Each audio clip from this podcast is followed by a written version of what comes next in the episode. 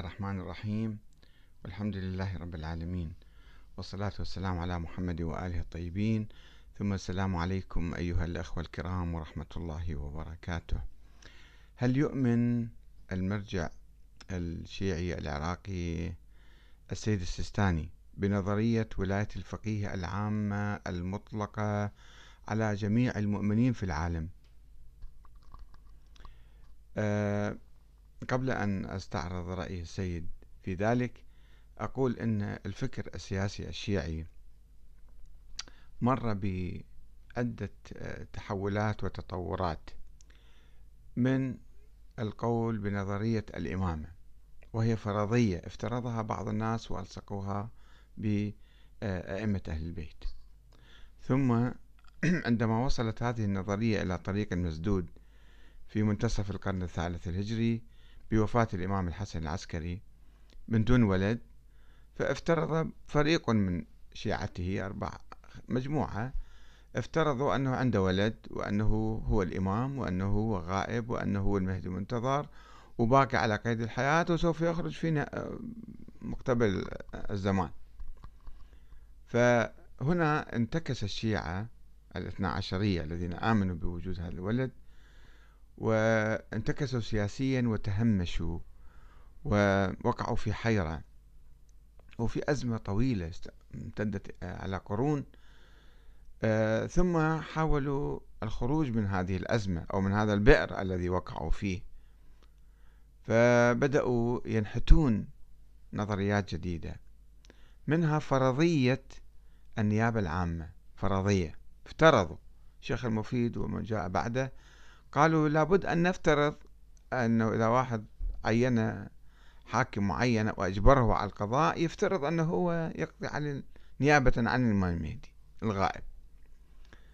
ثم أصبحت هاي النظرية كأنها حقيقة يعني مع مرور الزمن أنه كل فقيه كل واحد مجتهد ادعى الاجتهاد. هسه مجتهد لو مو مجتهد ما الله أعلم. فقيه لو مو فقيه ما الله أعلم. كل فقيه صار يدعي أنه هو نائب الإمام المهدي. وله ولاية. ابتدأت الولاية على القضاء وعلى الأيتام وعلى الأمور الحسبية ثم امتدت شوية توسعت توسعت توسعت إلى أن صارت ولاية عامة. ثم إجوا ناس قالوا لا ولاية سياسية يعني. الفقيه له الحق بأن يحكم نيابة عن الإمام المهدي. هذه هكذا ولدت نظرية ولاية الفقيه. تطورت عبر مئات السنين إلى أن صارت الثورة الإيرانية قبل أربعين سنة واحد وأربعين سنة. في سنة تسعة وسبعين فكان آه، هناك فريق يؤمن بولاية الفقهاء. ولكن الشعب الإيراني عموما ما كان يعرف هاي النظرية.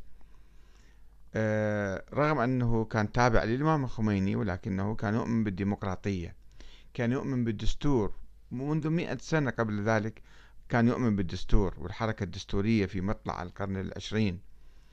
ف آه، انتخبوا مجلس تأسيسي قنن آه، نظام الحكم في إيران و يعني أعطى للفقيه أو المرجع منزلة منزلة عليا في الدولة.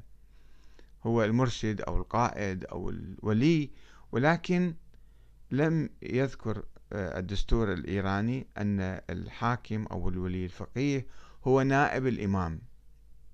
يعني شرعيته لا تأتي من كونه نائبا حسب الافتراض نائبا عن الإمام المهدي. لا هو منتخب من الناس.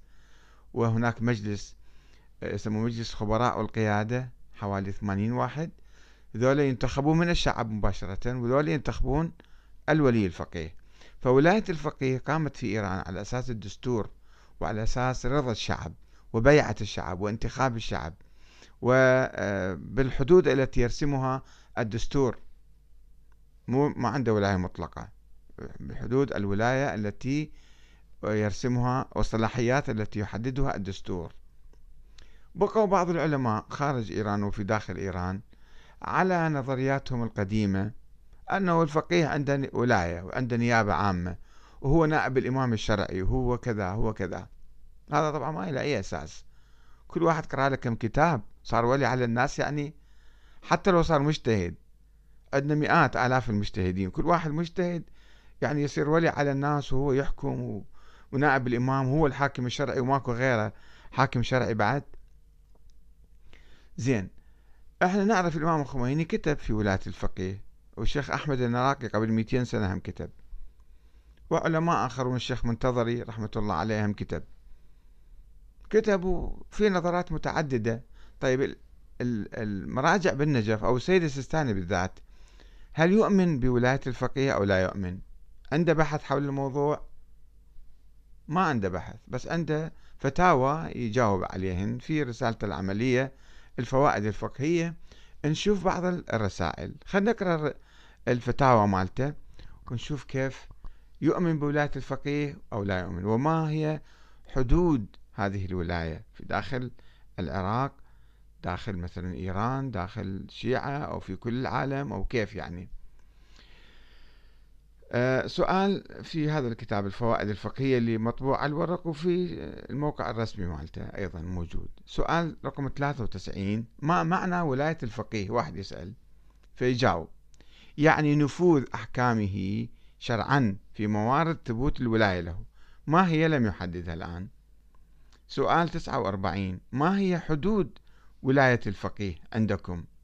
الجواب الولاية فيما يعبر عنها في كلمات الفقهاء رضي الله عنهم بالأمور الحسبية تثبت لكل فقيه جامع لشروط التقليد. وأما الولاية فيما هو أوسع منها من الأمور العامة التي يتوقف عليها نظام المجتمع الإسلامي فلمن تثبت له من الفقهاء ولظروف إعمالها شروط إضافية ومنها أن يكون للفقيه مقبولية عامة لدى المؤمنين. لمن تثبت له من الفقهاء من هم هذول الفقهاء وكيف تثبت؟ ما موضح هنا ولكن الفقرة الأخيرة من آه، كلامه يعني يقول ومنها هذه الشروط أن يكون للفقيه مقبولية عامة. مقبولية يعني كيف؟ بأي نسبة؟ عشرة بالمية عشرين بالمية خمسين بالمية مية بالمية. لدى المؤمنين يعني منو؟ مقلديك أنت الشيعة مثلا في بلد معين أو في العالم أو وين؟ لابد واحد يحدد الدستور والمسائل لازم تكون واضحة. ما تكون هكذا بصورة غامضة يعني. المهم سؤال 41 هل يجب اتباع الفقيه في أحكامه التي يصدرها؟ الجواب إذا كان حكمه في موارد ثبوت الولاية في الحدود اللي ثابتة فلا تجوز المخالفة. على أي أساس؟ على أي أساس تجوز؟ من هو؟ هو نبي معين من قبل الله؟ لا. هو إنسان مجتهد والإجتهاد بالظن والظن لا يغني عن الحق شيئا. وما صار حكم حكم الله. شلون صار حكم حكم الله وما يجوز واحد يخالفه؟ كل واحد فقيه يقول فد كلام. لازم إحنا نسمع كلامه وكلامه حجة على الناس. صار في شيء شيء غريب يعني. سؤال 43 ما هي حدود حاكمية الحاكم؟ الحاكم الفقيه يعني. وموارد نفوذها في حق مقلدي الغير. ما يقلدوا ناس آخرين. هم حكمه يشملهم ولا ما يشملهم؟ يقول الجواب تنفذ أوامر من تثبت له الولاية من الفقهاء على الجميع في الأمور الحسبية بل وفي الأمور العامة التي يتوقف عليها نظام المجتمع الإسلامي. زين نفترض في إيران يؤمنون بولاية الفقيه والفقيه هو خميني أو خامنئي وأي واحد آخر. فهل أحكامه تنفذ في العراق؟ تنفذ على السيستاني أيضا أو لا هو خارج عن هاي الدائرة يعني السيستاني أحكامه تمشي بإيران تمشي بباكستان تمشي بأفغانستان. لو فقط مثلا في بلد معين أو في مجالات معينة. أيضا مسألة مو واضحة. السؤال 63 هل يجب على باقي الفقهاء الذين لا يرون ولاية الفقيه العامة إطاعة الأحكام الولائية الصادرة عنه لضرورة حفظ النظام الإسلامي؟ الجواب حكم الفقيه الذي ثبتت له الولاية في موارد ثبوتها. لا يجوز نقضه ولو لمجتهد آخر. لازم يسمع كلام المجتهد هذا. إلا إذا تبين خطأه ومخالفته لما ثبت قطعا في الكتاب والسنة. هذا ما حد ما يسوي. قطعا فشي يخالف الكتاب والسنة ما حد ما يسوي. ولكن هذا الكلام الولاية السلطة يعني. زين هذا يعني هل هو يشمل أيضا؟ هناك ولي الفقيه قبله قبل ما هو يطلع أحد يعرفه أو أحد يقلده موجود. فهل هذا ولاية خامنئي تشمل السيستاني ويجب عليه الخضوع لخامنئي أو لا؟ يعني هذا الكلام كيف؟ أو هو بالعكس يجي بعدين واحد الآن يطلع فقيه جديد يقول أنا حكمي يشمل الآخرين. على أي أساس؟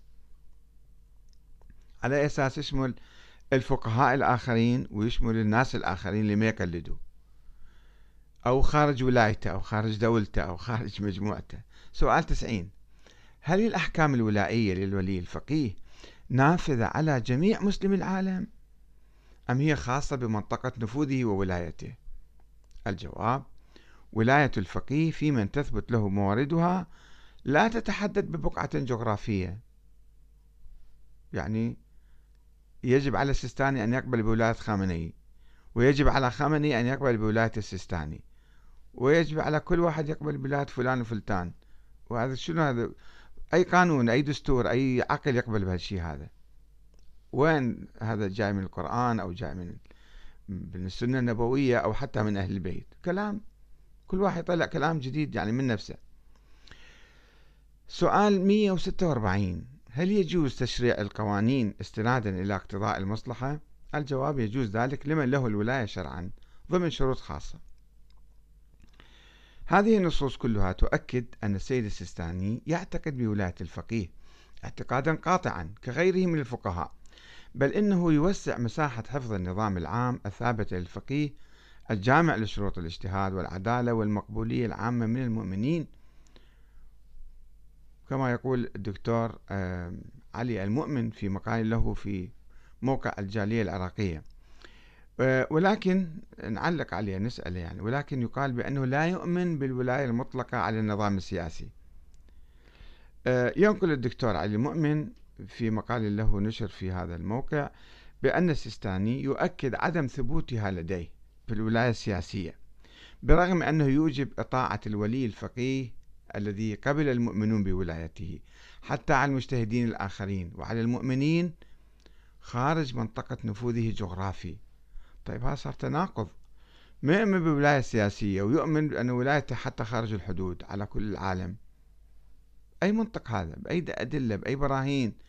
لا آيات ولا أحاديث في, في, في ذلك. كلام ظن في ظن في, في ظن وفرضية في فرضية في فرضية.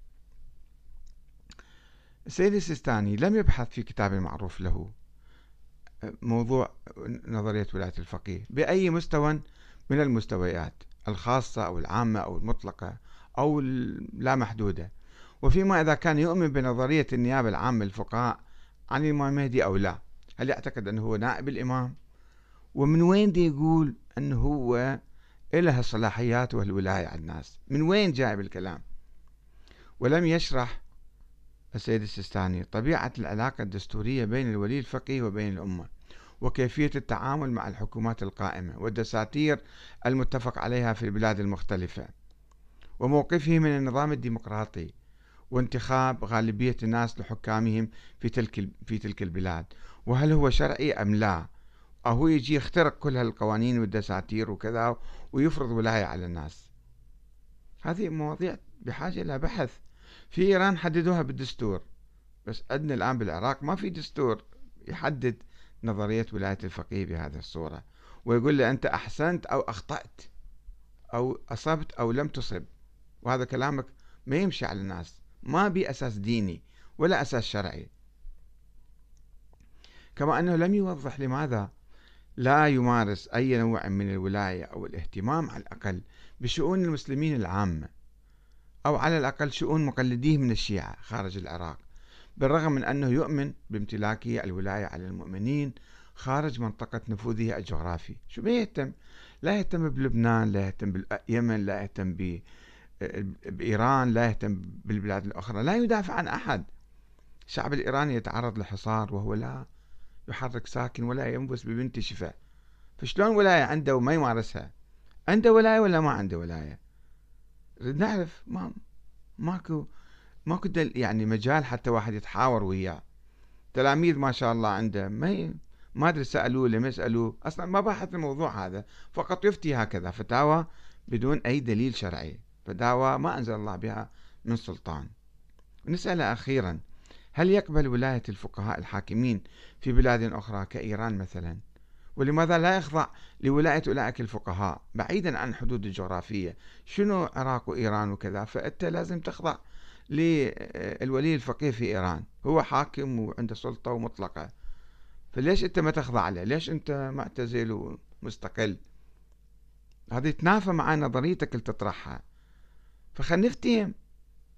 خلي واحد يجي يفهمنا. خلي هو يتحدث في اليوم. خليه يبحث خليه يكتب. ولو مقال واحد في الموضوع.